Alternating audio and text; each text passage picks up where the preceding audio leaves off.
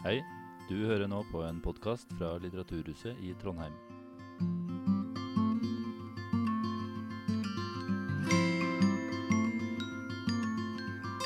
Tusen takk skal du ha, Trond. Jeg må jo si da, Kjære statsråd, velkommen hit til Trondheim og til Litteraturhuset. Vi er veldig glad for at du har lyst til å komme hit og snakke om skjermbruk. Den heteste poteten i norsk offentlig ordskifte. Så jeg foreslår vi starter med å gi statsråden en varm applaus.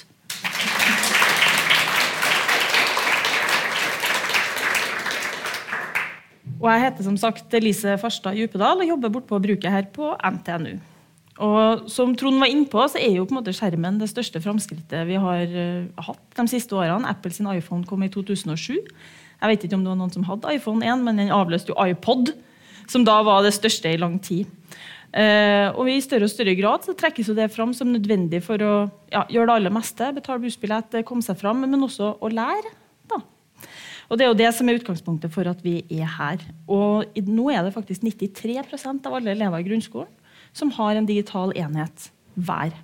Og for oss, da, Vi er jo jevngamle, men jeg vet ikke med deg, da, men jeg har stått ganske mye i kø på datarommet. Ja. jeg har også stått mye i kø for å låne svipenn. Så det er mye rart som skolen ikke lenger holder på med på samme eh, måte, da, vil jeg si. Og i større og større grad får det digitale skylda for en god del nedadgående grafer. Um, og det kommer du sikkert innom sjøl, vil jeg tro. Så ja, du hadde jo knapt tiltrådt før du tok til orde for å gjøre skolen mobilfri.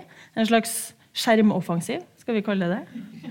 Uh, og nå, fire måneder senere, så har de første restriksjonene kommet. Før helga så sendte Utdanningsdirektoratet ut en, uh, en anbefaling om streng regulering av mobil- og smartklokke i grunnskolen. Uh, hva lå bak denne avgjørelsen?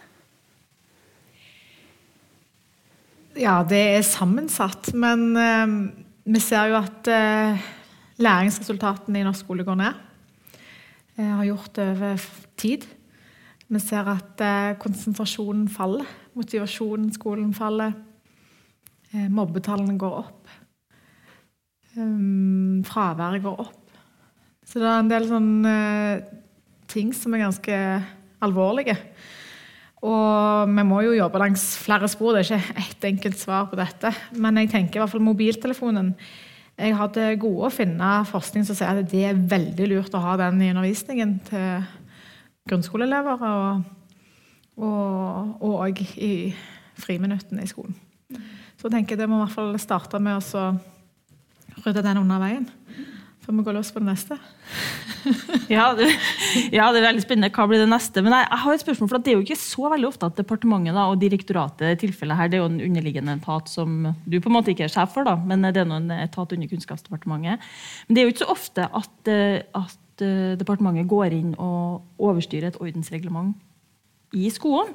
Så jeg lurer også på hva avveininger gjør dere rundt denne type ting? Altså Elevorganisasjonen var jo f.eks. imot. sånn at det er jo ikke sånn at det bare er rosenrødt. Mm. Um, men hva gjør dere når du går, går inn sånn og styrer eller overstyrer da, skolene? Mm.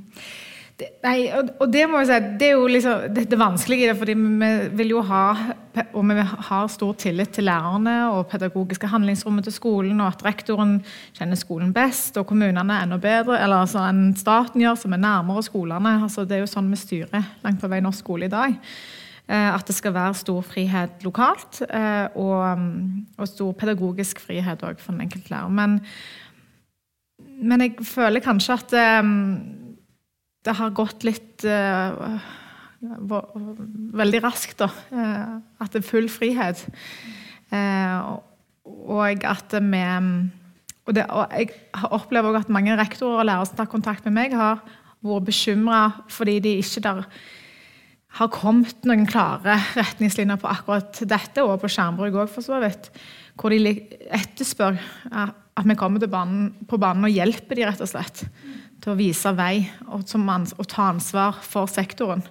Eh, sånn at det ikke er tilfeldig hva klasse man går i, om man har eh, mobil eller ikke, eller hva kommune man bor i, eller skole man går på.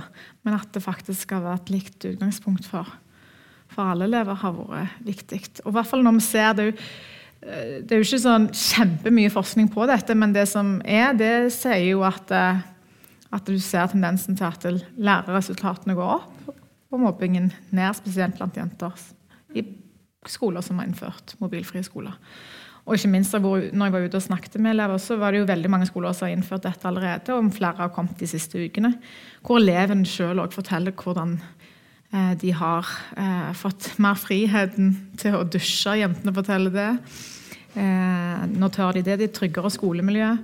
At de snakker mer sammen. At plutselig så oppdager de hvor mange som egentlig var alene. For det var så lett å gå rett i telefonen hver sitt hjørne. Mens når alle måtte legge den vekk samtidig, så var det veldig ubehagelig og brøt vanen deres. og sånn. Men, eh, men, så finner de jo, oppdager de jo hverandre. Og det er jo så fint, da. Det er sånn det skal være, tenker jeg. Så, så selvsagt så er det jo de som, unge som sier at nei, dette er helt forferdelig, og en del av meg har forsvunnet, og det kunne lyst til å miste en arm eller en fot. Liksom. Det, det, har blitt veldig integrert, så vi må jo ha respekt for det òg, at det har blitt veldig integrert i den enkeltes hverdag. Men, men jeg tenker at på skolen så skal vi først og fremst lære, og vi skal ha det bra. Så det står først og fremst i førersetet. Mm. Ja, for Du har jo tidligere vært ordfører i Stavanger. Mm. Og, og, du har jo tydelig tatt med deg den her, eh, liksom, interessen for skjerm derfra. Eller hva skal jeg si, interessen din har manifestert til begge plassene. er kanskje riktig å si det. Fordi I Stavanger så gikk dere òg inn for at de yngste elevene hvis jeg har forstått det rett, da, mm. ikke skulle ha med eh, Chromebooken sin, den digitale enheten, bl.a. hjem etter skoletid. Ja. Og det var vel også flere ting dere på en måte gikk i bresjen for. Ehm, så det her personlige engasjementet ditt da, for, eller jeg kan jo kanskje si imot, digitaliseringa som har skjedd i skolen, ehm, hvor kommer det fra? Nei, jeg vet ikke.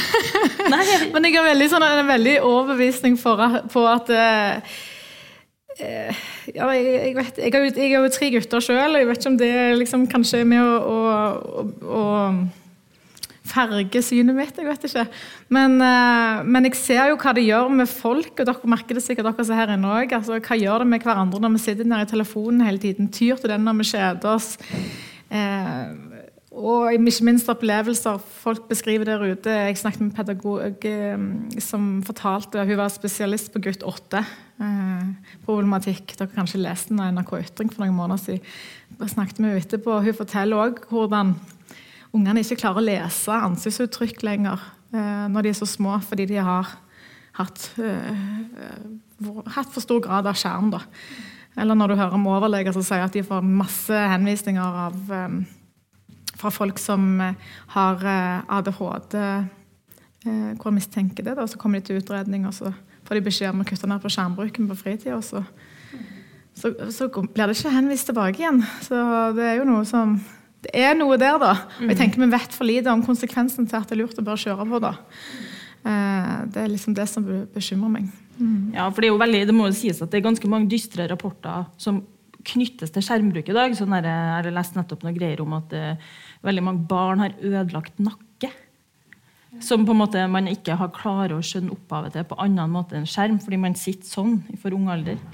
Uh, og Det er jo en hel rekke sånne typer fortellinger som også på en måte gir veldig grobunn for å gå inn for en slags avdigitalisering. Men samtidig, da, i forbindelse med dette arrangementet, så la jeg ut uh, flere steder i sosiale medier at folk måtte uh, si hva de ville at jeg skulle spørre deg om. Og da kommer det jo en helt sånn offensiv fra dem som da fra elever som sliter i skolen. Enten mm. sånn elever som har ufrivillig skolefravær, eksempel, der telefonen er liksom virkelig den eneste livbøya. Men også dyslektikere som bruker telefonen til veldig mye forskjellig. Jeg har jo sjøl hatt elever som ikke har norsk som morsmål. Og selv med, altså med en telefon så klarte jo jeg på en måte å komme meg fram på arabisk. Mm. Eh, liksom. Eh, men det var jo et hjelpemiddel hvert fall, for å få til den pedagogiske situasjonen. Så jeg lurer litt på hva, hva tenker du vi mister med denne eh, jeg kaller avdigitaliseringa. Det var kanskje litt mm. grovt, da. Men, eh, ja, og jeg eh, kan jo men, altså Det som Du spurte litt om det i stad, men det, også, det vi gjorde i Stavanger, det var jo Der hadde de rulla ut digitaliseringen før jeg ble ordfører. Chromebooks til alle førsteklassinger. Og ta med hjem. Og når vi i 2019 tok over, så var det jo sånn at når vi sa nei, dere får vente til fjerde klasse Det var liksom utgangspunktet. Så, så fikk vi enormt med motstand fra eh, lærere. Veldig mye. Men når du, ikke mobil, når, du, når det er selve PC-en. Og, og, det har jeg tenkt på den dag i dag. Hva skjedde egentlig der? Fordi at eh, Men det, det Altså det var denne redselen for å bli overstyrt, tror jeg. liksom. At de ikke vil ref det du spurte om helt innledningsvis òg. Eh, og, og, at vi må ta hensyn til det og gå varsomt fram. Og, eh, og passe på at det er nok fysiske lære, lærebøker. Så vi måtte ta noen skritt tilbake igjen. Så kjøpte vi en masse lærebøker. Så, sånn at de hadde den pedagogiske friheten, at de ikke opplevde det var alt eller ingenting. Si, det er veldig viktig. Eh, og det, det, du spør om det vi mister, det er jo eh for eksempel så sier Skjermbrukutvalget at gutter som, eller, og jenter for den saks skyld, som ofte sliter med håndskriften, kan være mye enklere å skrive på eh, tastatur. Da skriver de gjerne mye mer. Så det er jo sånne ting jeg må ha kunnskap rundt, og tilpasse undervisningen deretter. Og kunne velge mellom bok og, og skjerm og tastatur. Sånn. Eh, etter hva som passer best, hva som fremmer best læring. Det er det aller viktigste. Og Det samme gjelder som du sier, dyslektikere òg. Eh, ta ha hensyn til det og finne de metodene som fremmer best mulig læring der. Eh, og når det gjelder eh, annen eh, altså dybdelesning, det var Skjermbrukutvalget tydelig på. Norske elever leser dårligst av alle nordiske land. Og der har de sett på dette med dybdelesing, at det er vanskelig å lese lange tekster Eh, på skjerm. Eh, og at der må en ta hensyn til å faktisk ha et annet type læringsverktøy, som bøker da, som er tilgjengelige, sånn at en kan gjøre det der. Mens kortere tekster kan være enklere på skjerm. Så jeg, jeg tror veldig på å ha en kunnskapsbasert tilnærming til dette, men jeg tror òg på at eh, vi må ikke kjøre på eh, før vi vet. Eh, vi vet godt hva som fungerer på, på skjerm og papir òg, men vi vet ikke for mye av det som fungerer på og ikke fungere på det digitale. Da. Litt sånn føre-var-prinsippet for de unge det tenker jeg er viktig. Ja, Det er jo en, det er jo en kjensgjerning at vi veldig sjelden forsker på det som fungerer. Jo, men det er sant. Vi har jo veldig lite kunnskap om det som går helt greit. Så Det gjør jo også at av og til kan man jo ta bort en del ting også politisk som man ikke egentlig visste at var veldig funksjonelt i skolen. Og det gjelder jo på en ene eller andre måten. Det var jo ikke noen som hadde tenkt over at de at de elsker de her gamle, utdaterte lærebøkene, f.eks. Eh, og dem er det jo mange nå som savner likevel. Jeg er jo samfunnsfaglærer, og jeg har jo hatt veldig mange bøker der det har stått masse om Gulfkrigen. og det er Ikke i historieboka, nei, men i samfunnsfagboka om det som skjedde i forrige uke. Sånn at Det er jo noen interessante ting med skolen der. Um, og Du var jo innom her med Skjermbrukutvalget. fordi ble jo, Skjermbrukutvalget ble jo satt ned før din tid. Det var Tonje Brenna som satt ned det. Og Jonas Gahr Støre. Ja, mm. Jonas Gahr Støre. Og de er jo som du nevnte, i full gang, og de, skal, de har levert et eh, kunnskapsgrunnlag, eller mm. en, eh, ja, en første rapport, og så kommer det en, en slutt, sluttrapport mm. mot slutten av året. Mm. Ja. I november. Ja. Um, hva har vi venta der? Nei, det, det lurer jeg òg på. det blir veldig spennende. Men det de eh, sa allerede i den som kom i desember, var jo at vi vet veldig lite. Altså Det er lite forskning på dette.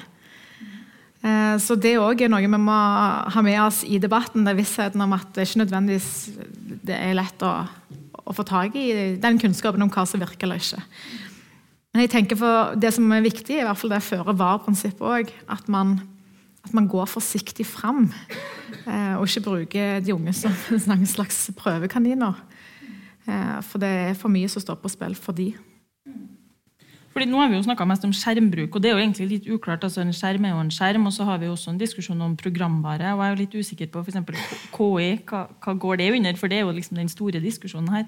Eh, og jeg lurer på, sånn som Skjermbrukutvalget, vil de også gå inn i de her andre problematikkene som opptar skolen i veldig stor grad nå? Nå er jo kanskje KI nesten avløst mobiltelefon og smarttelefon som det lærere diskuterer aller mest. I hvert fall ut ifra det jeg kan se på internett. Mm.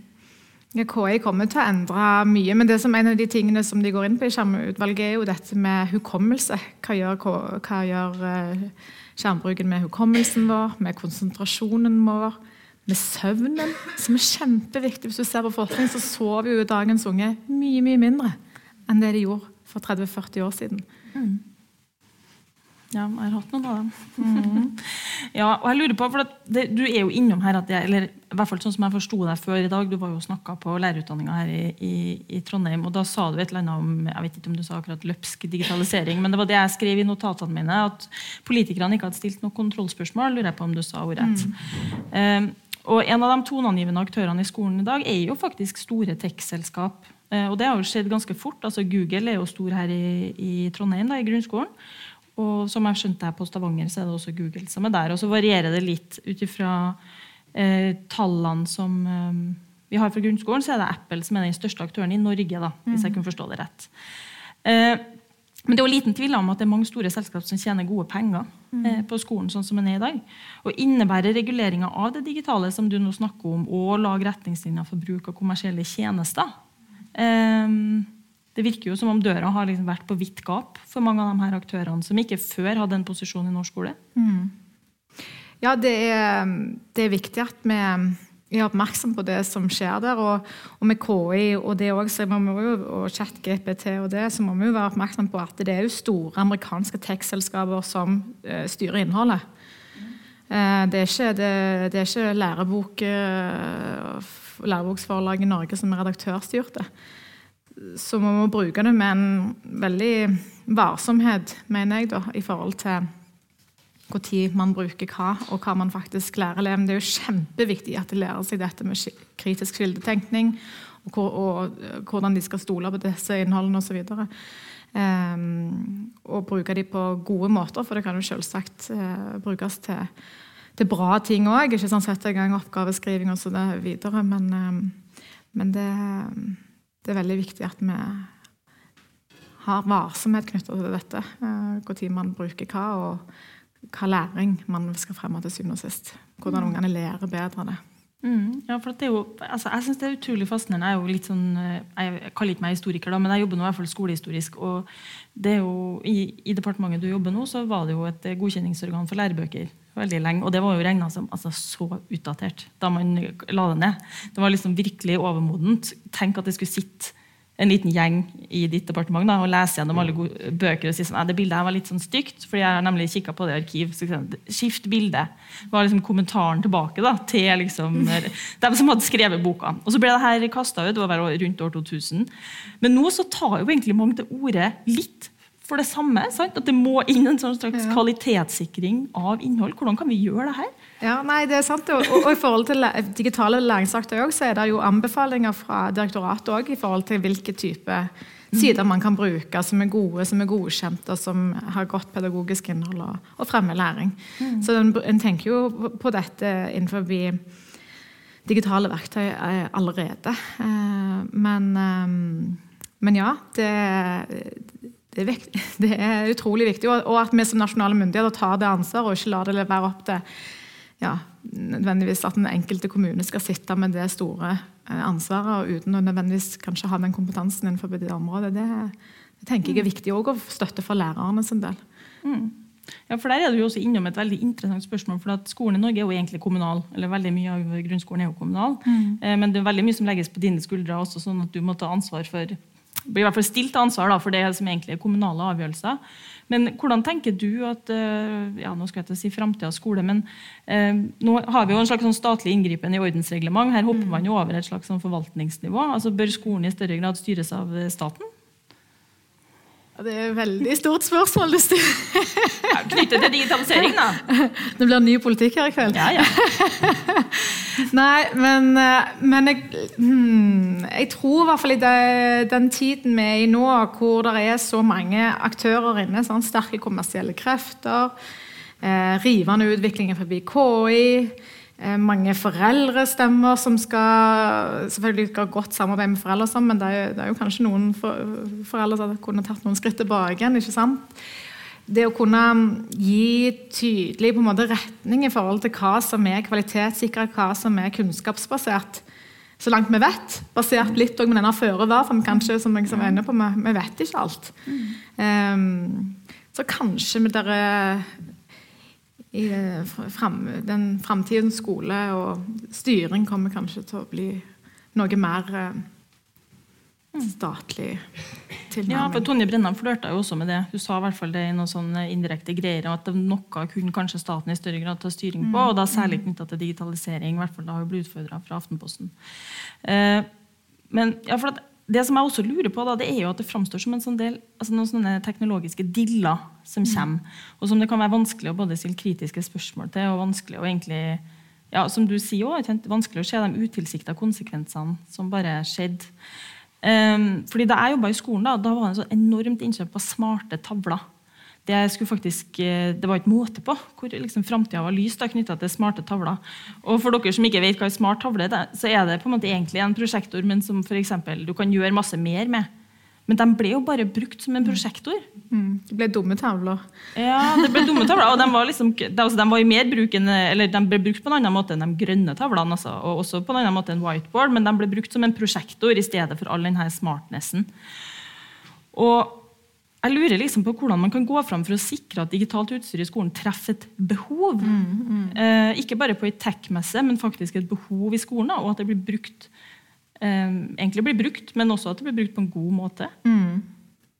Nei, jeg er, jeg er, helt enig. og, og jeg, det er litt sånn da, Jeg snakket med en lærer her om dagen som kom og så var sånn ja, nå har vi fått masse sånn KI eh, Vi skal begynne med KI. Så, eh, sånn og sånn skal vi gjøre den undervisningen. Men vi vet ikke helt hvordan vi skal bruke det. Så sier jeg, men ikke stress med det. Slapp av. Trenger ikke bruke. Trenger, dere trenger vel ikke bruke det. Dere må vel ikke bruke det. liksom.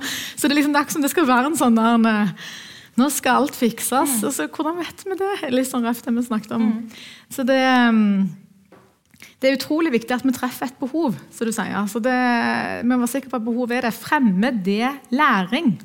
Kan de mer lesing, da? Kan de mer matte? Blir de bedre i naturfag? Øker det motivasjonen på skolen? Vet vi det? Nei, den går Hvis ikke du vet de tingene, så kanskje du kan gjøre, gjøre, noe, gjøre, ja. gjøre noe, som kanskje, og det er jo gjør noe som gjør det, da. Mm. Og da tror jeg vi er mer tilbake igjen på det å fremme mer praktiske, relevante, eh, varierte skolehverdag tror jeg er enormt viktig. Mm. Um, som ikke bare får de teoretisk anlagte, men de får bruke mer av hele seg gjennom i alle fag. Ja, for det var artig at du nevnte det, for jeg så nettopp i sånn lærer, eh, lærer-Facebook-gruppe så så jeg at det var noen som la ut en sånn tråd bare sånn Hva ønsker du deg i skolen? liksom Åpent spørsmål. og så sånn 350 kommentarer med en gang. Og så var det, Jeg synes det var veldig overraskende at det, folk ropte på, da, og du trenger ikke å svare på alt, men det var liksom bemanning, utstyr og læremiddel. Og i veldig liten grad sånn digitale ting. Mm. Men det er nok også fordi de er godt serva på det. da, altså Du roper jo ikke på det du har. på en måte. Eh, men tenk, Mange ønsker seg fysiske lærebøker, men også sånn sløydrom, instrument, eh, skolekjøkken. Det var masse forskjellige ting i spill, da, men det var veldig ofte liksom, fysiske ting. Eh, men hvordan er dere egentlig i dialog med skolen og lærerne om hva som er lærernes behov og lærernes ønsker for mm. framtidas skole? Vi har jo fått tilbakemeldinger på at det praktiske utstyret mangler. Så Derfor har vi jo denne rentekompensasjonsordningen på 8 milliarder nå i inneværende år, de neste åtte årene som er innført, for at kommunene skal kunne bygge mer praktiske læringslokaler. Mer sløyd, mer skolekjøkken, eh, disse som er arealkrevende. Det, det, det har vi hatt suksess med i andre typer um, investeringssatsinger, sånn som svømmebasseng for, noen, for rød-grønne regjeringen som innførte. Så det var veldig populært, det har jeg fått hørt. i hvert fall. Eh, og, og, og, håper jo at eh, snakket med ordførere i dag på sånne ordførernettverk. Søk, bruk pengene, de er der. Frem den praktiske skolen. ikke sant? Eh, og det samme med tilskuddspott har vi òg, til mer sånn Og det kunne selvsagt vært mer, men akkurat i år er det 127 millioner ut til kommunene. Kjøp praktisk utstyr. Om det er ja, det som lærerne trenger i timen. Det tenker jeg er um, viktig. Og lærebøker òg er det jo egen uh, bevilgning på uh, som ute i kommunene. Der, men det er viktig hva kommunene gjør sjøl. At de faktisk velger å prioritere det. Um, sånn som jeg gjorde når jeg uh, var kommunepolitiker. Så nei, da må vi kjøpe opp det hvis det er kun Chromebooks elevene har nå. Det går ikke an. Sånn kan vi ikke ha det. Uh, men det koster jo. Uh, det handler om å prioritere, rett og slett. Ja, fordi du sier det koster, og det synes jeg er litt interessant. fordi at tross alt er det jo, eller jeg tenker kanskje det er et bakteppe for at skolen drives fra skanse til skanse. hvis jeg har lov å komme med en sånn diagnose, det er jo at i det øyeblikket kommunene må bruke opp pengene sine på, på, digitale skjermer, så på en måte er jo det den potten som før gikk til bøker. Mm. sånn at Det er jo ikke nødvendigvis ønska at det går fra skanse til skanse, men det skjer fordi der forsvant pengene, og så der mm. kom pengene. Så hvordan har du tenkt å finansiere det her, Ilde, egentlig? Ja, altså for å si det, Digitale skjermer de kom jo gjerne sånn i en tro kommunepolitikerne ville spare penger og må på en måte kjøre inn alt i helse. ikke sant? Og så ja, det var så billig, og da trengte alle bare en skjerm. Du slapp å kjøpe lærebøker som ble utdatert etter kort tid. ikke sant? Det var jo litt sånn spareprosjekt òg i det. Det ble i hvert fall solgt inn sånn av de som hadde interesse i å selge dette. Og så ser en jo nei søren, det koster jo noe med alle disse lisensene, og de skal fornyes og oppdateres, og iPader blir ødelagt, og det som er. Så oppdager en det er jo ikke så billig allikevel, dette her. Så, så det er også, eh, En kan stille spørsmål på om det faktisk Når noen som ser økonomien i det, om det faktisk kan lønne seg mer. Ja, for Er det plass til begge deler? Sånn at, for jeg hører jo det at noen vil, altså De fleste vil jo ikke miste skjermene sine helt. altså Heller ikke lærere vil jo miste skjermene sine. altså En ting er mm. reguleringa av de private telefonene, mm. men sånn som i Stavanger så tok man jo vekk Chromebooks på de minste trinnene. Prøvde å utsette det litt, ja. men vi klarte ikke så mye som vi ville. Nei, men det er jo noe med at Hvis man skal liksom ønske seg en sånn drømmepedagogisk situasjon, så ja. har man jo på en måte litt av alt. Da sitter du med papiret ditt der, jeg sitter med skjermen her, og så kan vi liksom switche. Og så bak der har vi sløydrommet, mm. musikkrommet. Og så har vi, der bak er skolekjøkkenet. Men det er jo en veldig kostnadskrevende skole. da. Ikke skansete skanseskole, men en sånn mer vil ha Mest-skole. Mm. Er det realistisk? Jeg tenker eh, Har vi råd til å la være? For jeg er nok enig, men vi kommer, vi kommer ikke unna. Uh, men det kan være det gjerne at du kan ha mer delesett eller lignende. Men om det praktisk lar seg gjøre i klasserommet, det skal ikke jeg uh, men, men, at man kan tenke litt kreativt rundt bruken, kanskje. Men jeg tror det er viktig at vi har begge deler, for nå hører jeg jo om foreldre i, uh, på enkelte skoler som kjøper inn Altså hvor de kun har digitale enheter, så kjøper foreldrene inn lærebøker til dem. For de, klarer, de ser at ungene strever, de klarer ikke å gjøre oppgavene sine på disse enhetene. og de kun har enhetene. Kjøper foreldrene bøker. Mm. Ja, 20 000 har de liksom brukt i uh, jeg så det. Sånn FAU som hadde en kronerulling. Ja. ja det er liksom, og da får du plutselig Du var så redd for et digitalt utenforskap, og nå måtte alle iPad, for hvis noen ikke hadde råd til iPad, så var du utenfor. Men nå er det sånn å nei, nå må folk ha lærebøker. Hvis du ikke har råd, for ellers har råd til lærebøker, så er du utenfor. Altså, hvor, hvor er vi på vei hen? Hmm. Ja, ja, og det er jo interessant det her du sier, for det handler jo også om hvordan signaler man ja, hvis jeg får si, signalene også mm. du sender til kommunale politikere. for Jeg husker jeg hørte en, en podkast om iPad i skolen på Aftenposten. Eh, også, også da jeg leste den, det Prøyts-utvalget som har om kvalitetsvurdering i skolen, så det man ser der, det er jo at liksom, kommunepolitikere sitter jo og tar hundrevis av avgjørelser årlig. Det har jo du vært med på. Mm. Men også at man ender opp med å kjøpe inn på god trøndersk veldig mye ræl. Jo, men ikke sant, sånn som Kvalitetssikringa i skolen, det man fant, det var jo at en så stor jungel av sånne kvalitetssikringsverktøy da, som kommuner liksom, og Da antar jeg det hadde vært en god selger da, i en liten kommune som sa at hvis du kjøper inn her, så altså, hele småtrinnet lærer seg å lese. liksom. Én bokstav i uka, og du er i mål før sommeren. Og så sitter noen og sier sånn Ja, det var en god idé. Og så var det kanskje billig òg. Men jeg skjønner liksom ikke hvordan man skal få bukt med det her. For det er jo helt vanlige mennesker rundt om i Norges flere hundre kommuner som bare får en god idé, eller som blir overbevist på ei messe. eller... Altså, Skolen er jo kommunal. Mm. Det kommer jo til å bli fortsatt å bli tatt mye dårlige avgjørelser. Sagt rett ut. Eller? Ja. sånn er det. Ja, sånn er det bare. Og mange ja. gode avgjørelser. og mange gode avgjørelser, ja. ja. Det er liksom det kommunale selvstyret, det. Ja, ja, ja. Det er velgerne som har bestemt det. der. Ja. Mm. Ja, jeg synes Det er litt sånn ekstremt i møte med de her skjermene. for Jeg bare tenker, jeg hørte en skole her nå som hadde betalt lisenser, sånn som du sa. Sant? Man trodde at det kom til å bli ganske billig, og så fikk man lisens på lisens på lisens da, på, nye, på lærebøker. Mm. Og så slutta de å betale lisens. Mm. Men da mista de jo da mista de det de hadde betalt for før. Mm. Og det hørtes ut som sånn liten skrift i avtalen, da. men det var jo tross alt sånn med gamle lærebøker at de forsvant jo ikke ut selv om de var litt dårlige. Du hadde dem jo på en måte stående i klasserommet. Um, ja, Det var ikke et spørsmål, men jeg tenker det er jo noe fascinerende med denne mm. eh, lisensstyringa, som også høres ut som et enormt utgiftssluk da, eh, for skolene. Og det var man kanskje ikke klar over. Nei, tror, det virker ikke som man var det, tenkte det i starten, for da var det jo litt økonomiske eh, motiver knytta til utrullingen, så vidt jeg har skjønt. Og, og denne troen på at å, dette er framtida. Hvis ikke vi gjør dette nå, så havner vi bakpå. Og da, mm. og da lærer da kanskje ungene våre dette når de blir voksne inn i arbeidslivet. Så det var jo kanskje litt sånn fruktbasert òg, da, faktisk. Ja, det var kanskje fruktbasert. Ja.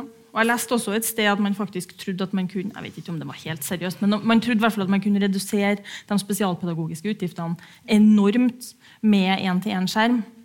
At i det øyeblikket man trodde at man hadde en til en skjerm, så hadde man helt andre muligheter for individualisering av undervisning. Og når man leser sånn i politiske dokumenter, så er det litt uklart om folk faktisk har trodd på det, eller om det også var liksom en brekkstang for å få vedtatt ting. Da, for det høres jo kanskje litt naivt ut. Eller?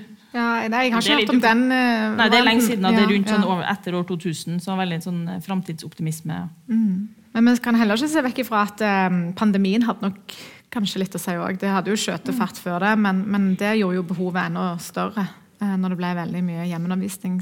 eh, Ja, for, digitalisering, for digitale enheter. Ja, Ja, ja. og det er jo helt åpenbart. Eller det gjorde det jo også på vår jobb, og vi fikk jo headset, og vi måtte jo det. fordi hvis vi plutselig skulle ha kontor i stua, så sammen med andre, alle andre elever. Men jeg lurer litt på det her med For det, eh, det er jo lærere til syvende og sist som står og gjør denne jobben dag ut og dag inn. Og Hvordan jobber dere med å sikre at lærere har tilstrekkelig kompetanse, men også tid og overskudd egentlig i stillinga si til å utnytte eh, det digitale potensialet i skolen? skolen? Det, altså, dette er jo langt på vei eh, altså, kommunene som, eh, som arbeidsgivere som, og skoleeiere som rigger for. Men regjeringen har jo òg bevilga eh, i år eh, 85 millioner kroner for å styrke eh, veiledningen der eh, ute til skolene knytta til dette. Eh, og mm, det er felles støttestjenester det er snakk om da, eh, som en skal ja, for å hjelpe, rett og slett. Og at vi skal ha kunnskapsbaserte tilnærming til dette. Men, eh, så, det er en viktig del av, av eh, skole, skoleeierne sitt, sitt, sitt, sitt oppgave. Da. Mm. Men vi støtter gjerne og, og gjør det vi kan for å knytte til personvernsbetraktninger og, og veiledere knytta til det. Og universell utforming, informasjonssikkerhet. Altså disse tingene der. Ja, for det er jo noe med lærerjobben som er, eh, i hvert fall Nå ser jeg den jo fra utsida, da, fra lærerutdanninga, og vi er jo kanskje en aktør i det her òg, men det blir jo på en måte bare flere og flere ansvarsoppgaver og arbeidsoppgaver som, som lærerne skal ta hånd om. Altså, jeg, jeg ser noen gang for meg, og det er jo selvfølgelig en mimring med, på skjørt grunnlag, men de lærerne jeg sjøl hadde i barneskolen, de hadde én klasse. Og de hadde den klassen i alle fag, så det var jo veldig sånn, tid og rom var jo veldig sånn Vi er her, vi er sammen. Og her er liksom ukeplanen. Og det, liksom, det var veldig statisk og enkelt, og det må jo også ha vært veldig tidsbesparende. Selv om du også da skrev håndskrevne ukeplaner som du kopierte opp. Og det var jo noe som var arbeidskrevende òg, men, men sammenligna i dag med liksom den utflyve- utflytende skolen, og du har også en digitalisering da, som lærerne skal ta etter, lære seg, men også helst like å bruke, klare å bruke på en god måte. Altså, det er et enormt ansvar. Ja, det, det, skjer, ja, det skjer jo mye på dette området. Også vurderingssituasjonene. ikke sant? Det å gi hjemmeoppgaver i dag og eksamener er ikke like enkelt som det var før. Eh, med tanke på KI. Så det, det, får en jo til å tenke eh, at lærerne utfordrer lærernes eh, måte å f.eks. vurdere elevene på. Ja, Er det mulig egentlig å være lærer innenfor de rammene som er satt i dag? Ja. Det tenker jeg. Ja, absolutt.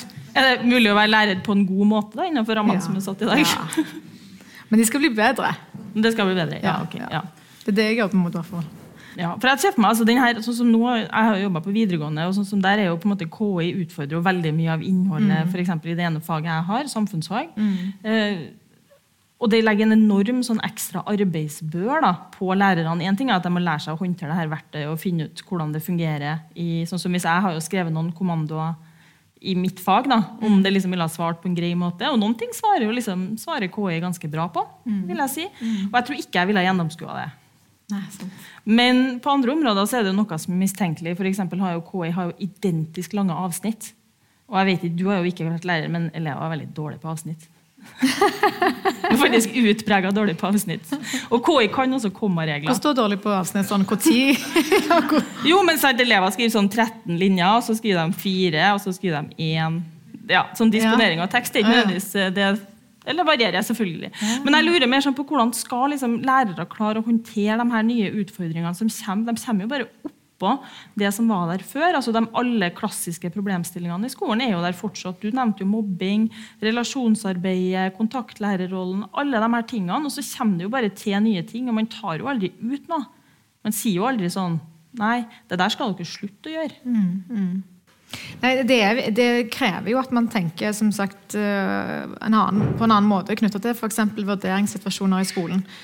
Eh, og eksamensgjennomføring eh, må nok rigges på en ganske annen måte enn en har blitt eh, gjort før. og mm, og I tillegg til dette med viktigheten av å fremme kritisk tenkning. Så, men jeg tenker at for dette med viktigheten med å bygge lag rundt barnet, det kan være med på å avlaste lærere. Det er jo selvfølgelig min, altså lavere trinn enn videregående jeg snakker om da, hovedsakelig, men det er viktig å få inn flere faggrupper. Jeg opplever i hvert fall at det har blitt veldig godt tatt imot eh, når en har fått inn flere miljøterapeuter, flere helsesykepleiere Eh, skolepsykologer for de som har det. At det får en, da får læreren mer rom for å være lærer. Eh, og så er det jo òg viktig at vi ser på ja, hvordan man deler inn f.eks. undervisningen. Eh, om det kan bli gjort på en, mer, eh, en måte som fremmer læring i større grad. Eh, ja, så det er ulike grep å ta, men det er, ikke, det er helt klart at det, det er jo sånn på mange yrker i dag at den KI gjør, utfordrer oss på mange områder mm. til å jobbe på andre måter. Mm. Og det vet vi om det arbeidslivet som venter de unge i dag.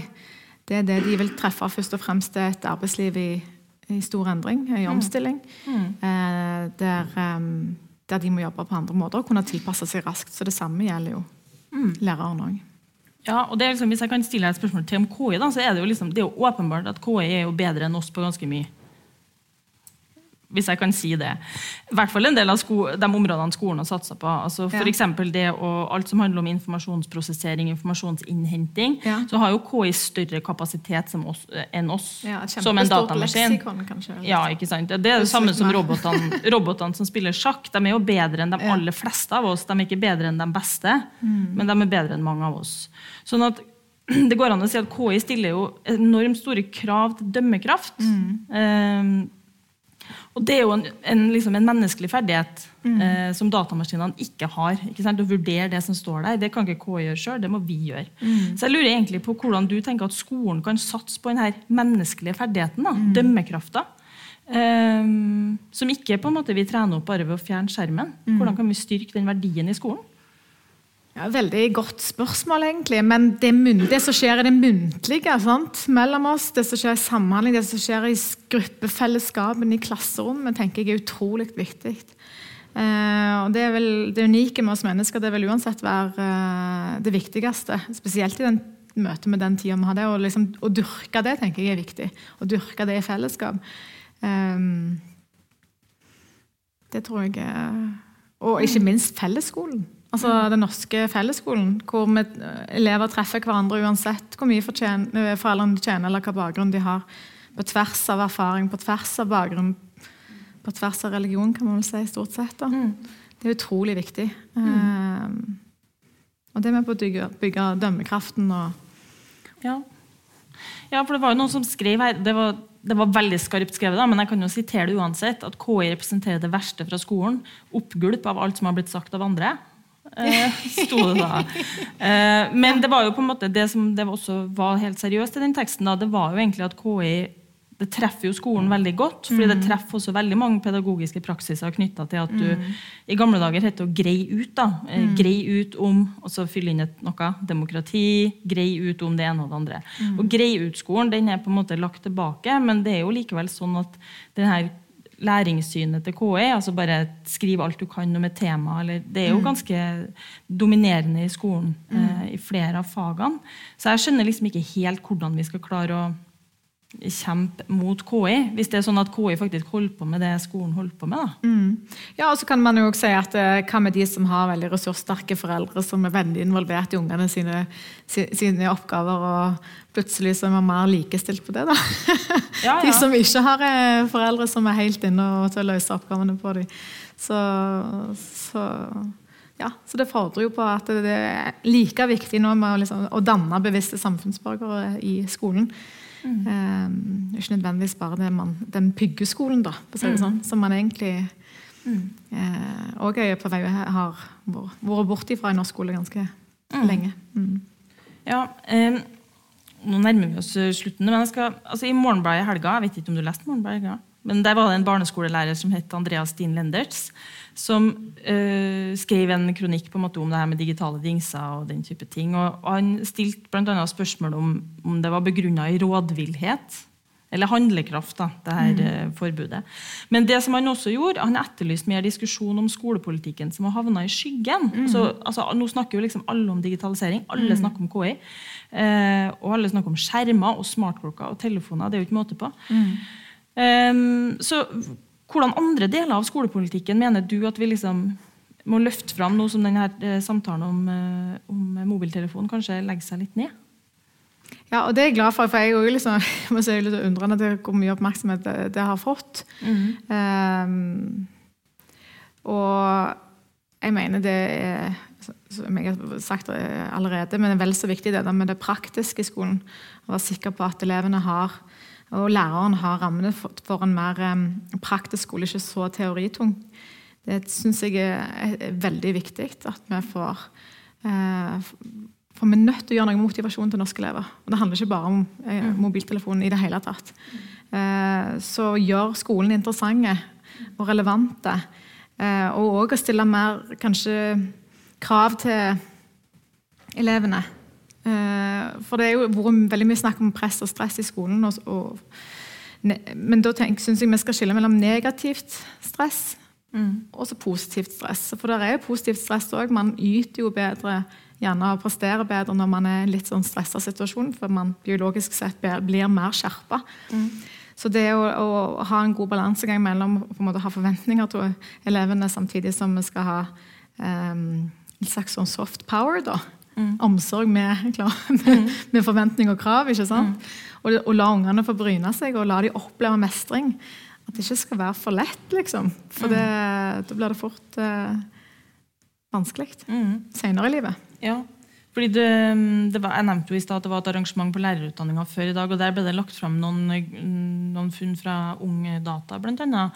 Og Det viser jo en sånn mystisk kombinasjon av at uh, elevene trives mindre, de er mindre motivert, men de er også veldig stressa, uh, og de syns det er kjedelig. Mm. Og Det er jo sånn, vet det er en ganske sånn uheldig læringscocktail. Mm. Uh, du, liksom, du, kjenner på kanskje et negativt stress, det vet ikke vi. Du kjeder deg når du holder på med det. og du trives lite og du er mindre motivert. Samtidig som også veldig mange trives i den norske skolen. Mm. Så det er jo et sammensatt bilde. Eh, men hvordan tenker dere å gripe inn det her? Som du sier, handler det om mye mer enn skjerm? Ja, Det handler om den praktiske skolen. Det handler om eh, digitaliseringen av skolen. Eh, vi har klokskap og balanse med tanke på når man bruker hva. Og være oppmerksom på Nå skal jo Skjermbrukutvalget komme med dette i november, da, men når de faktisk ser på søvn, når de ser på konsentrasjon, Altså, hva, hva, vet vi? Hva kan vi gjøre? Eh, det handler også om å, være, å ha målrettet innsats knytta til lesing. Altså Gi penger til skolebibliotekene, som har en ekstraordinær bevilgning på nå, men òg fortsette med det. Gi penger til fysiske lærebøker. Fremme eh, lesesentre. Få lesing ut i, i, um, i, kommunene og ut i, i, i klasserommene. Eh, og de, Der man ser man sliter, så må man gå inn og sette en ekstraordinær innsats. Få lesesenteret ut. Se hvordan kan vi hjelpe her. Hvordan kan vi sørge for at vi får denne klassen opp på et godt nivå. Um, og det samme med realfag òg. Altså, PISA viste jo at norske elever aldri har prestert dårligere i matematikk. Og de beskriver jo masse matteangst. Ja. Og hva er det? Ja, og der synes jeg er veldig interessant, fordi jeg, jo, jeg, sa jo at jeg jobber på NTNU. Jeg er jo forsker, og En av mine funn er jo at det har blitt lagt til så enormt mange timer i, i norsk grunnskole. Det har blitt lagt til 1500 ja. timer. Og 750 av de timene har jo gått til norsk og matematikk. Mm. Eh, og det har jeg jo presentert for mange lærere eh, flere ganger. De fleste blir jo veldig overraska mm. over at skolen er æsa sånn ut. Mm. Men det er jo også virkelig et spørsmål liksom, frista til å bare spørre liksom, funker det. Fordi Hvis det er sånn at mm. grafene går feil vei eh, når undervisningsmengden går opp Og undervisningsmengde altså det er også det dyreste man mm. satser på, for det øker jo behovet for lærere og rom. Og ja, kjempedyrt. 230 millioner cirka for en time. Ja, ja, ja, ja. ja har jeg det? Ja, nei, men jeg har prøvd å beregne det. Jeg sitter og leser postene i statsbudsjettet og prøver å regne. Men det, ja, men ikke sant, hva, for det, det, det, framstår jo også som noen av den medisinen man har brukt for ja. å bli bedre i lesing og kan skriving. Jeg, kan jeg si noe der, da? Ja. Jeg må jo si, liksom, det, det, er jo litt krevende. Du kan tenke dere det. Alt faller. Le, engelsk er vel kanskje det, der er det bra. Ja. Men alt annet. Um, og så er det sånn, ja så skal du som kunnskapsminister gå ut si «Nei, nå kutter vi norsk og Ja, ja. Mindre av det! Så det er sånn jeg, jeg, ja, altså det, det er mm, Det er noe der, sant? Men, men, men jeg, jeg forstår det veldig godt men de sier det jo for to, ti, to år, var det vel? Ja, to år. To år mer i i skolen i dag enn det var for liksom 30 år siden. Ja.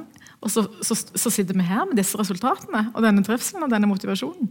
Ja. Så, så det er absolutt noe For når er du født? 86. 86, ja. De som går eh, i barneskolen i dag, da, de har mer norsk og matematikk på barneskolen enn du hadde på barne- og ungdomsskolen til sammen. Så vi klarer oss jo godt, da.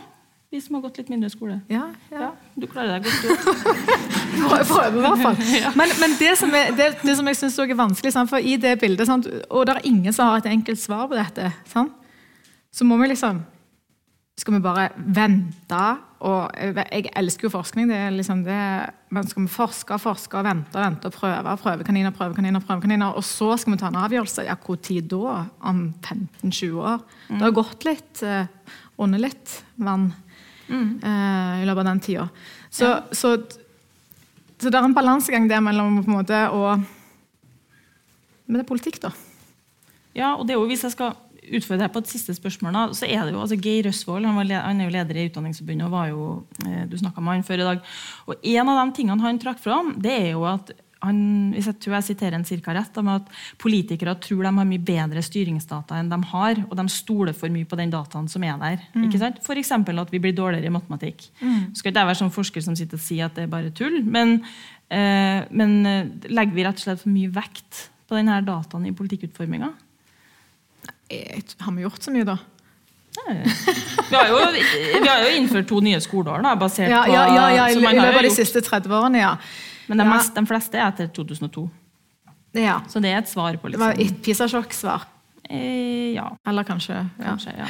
Nei, men det er interessant og absolutt et eh, relevant eh, poeng altså, og spørsmål som er verdt å stille seg.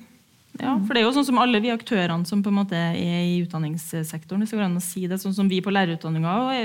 Noen ganger så slår det meg at vi jo lever jo dels av å på en måte fremlegge kriser. Det er jo det som gir oss penger til forskning. ikke sant? Det er det som gir eh, bensin på Ja, ikke bensin på bålet, men um, men så alle på en måte lever jo også av til en viss grad å si at liksom, her trengs det. Her, vi må satse på demokrati. Indirekte satt på min forskning, satt på meg, satt på mitt forskningsmiljø. Og sånn sett så bidrar man jo også til å lage ganske mange fortellinger om skolen og, og dens undergang. Eh, denne uka i november når alle skoleresultatene legges fram, det er jo samtidig med denne Black Week. Så jeg har jo egentlig Jeg må innrømme at jeg har tenkt noen gang på det. da, At denne svarte uka, det når alle skoleresultatene kommer. Åh. Um, ja, Du kan komme en siste kommentar om det. så skal vi... Hva tenker du å gjøre ved neste Black Week? Altså, er det noe vi kan gjøre også for å tone betydninga av alle de her tallene, sånn som i Oslo f.eks.? Det skal ikke jeg utfordre deg på. dem. Men, men vi har et problem. Altså, Ja. se, når du hører om ja, universiteter som forteller at når de unge de får inn i dag, må de sende på nordisk fordi de kan ikke skrive godt nok. Ja. Folk som kommer inn på, ja, ungdommer i dag som kommer inn på universitetet. Og som er flotte, flinke, kjekke ungdommer. Men altså, det er et eller annet der. ikke sant? Og når jeg snakket med treffer folk i bygge- og anleggsbransjen, så sier den ene kommer sånn Du må gi meg bedre råvarer! ja, ja, ja, men det sier de her òg. De sier alle sammen. Dagens unge, altså, så Ja. De som jobber med disse eh, elevene, liksom, de er kjekke. Liksom, flott ungdom, flotte unger. Men, men kunnskapen, kompetansen, er ikke det den en gang var. Drit i PISA, drit i Pearls. Drit, altså, Ja, ja, ja. Det er det som er opplevelsen der ute av de som har vært med en stund i gamet. da. Og Vi kan ikke bare liksom si nei, det, det betyr ingenting. Nei, det, det er den, ja, jeg tenkte å avslutte med det, men det er jo et godt poeng at mange lærere faktisk sier at de, har, eh, de opplever liksom også sånn kvalitativt sett at, mm. at, det er noe som går tilbake. Akkurat universitetsstemmene dem tror jeg, jeg mener faktisk at vi skal høre mindre på oss. Og det handler jo bl.a. om at antall studenter i Norge har jo blitt dobla de siste årene 25-årene. Så det vil jo si at den studentmassen vi har i dag, den kan ikke sammenlignes bare med selv da jeg var student. Mm. Så var det faktisk noen andre som studerte. Og det er viktig å ha med seg når på en måte alle sammen også f.eks. på lærerutdanninga skal ta en mastergrad. Det er jo 10 i Norge som har en mastergrad, og vi kommer til å få enorme utfordringer vi, når alle lærerstudenter skal gjennom et nåløye som det før har vært veldig få som har um, fått det. Så da må jo vi også gjøre noe med våre krav, mest sannsynlig. For jeg regner med du vil at de skal fullføre. Ja, absolutt. Og, da, og det er bra for de òg, for de får sletta studielånet sitt. da. Ja, det er jo fantastisk. Men vi har jo også egentlig noen krav internt som vi prøver å overholde i møte med studentmassen. Så Det blir jo også, det blir vår utfordring, men vi får håpe de ikke bruker KI. Ja. Jeg tror vi setter strek der, og så er det ikke åpent for spørsmål. Men eh, jeg må si tusen hjertelig takk for at du kom hit i kveld og ville snakke med oss om skjerm. ja, tusen takk for at du ble invitert, og takk for praten. Det ble hyggelig.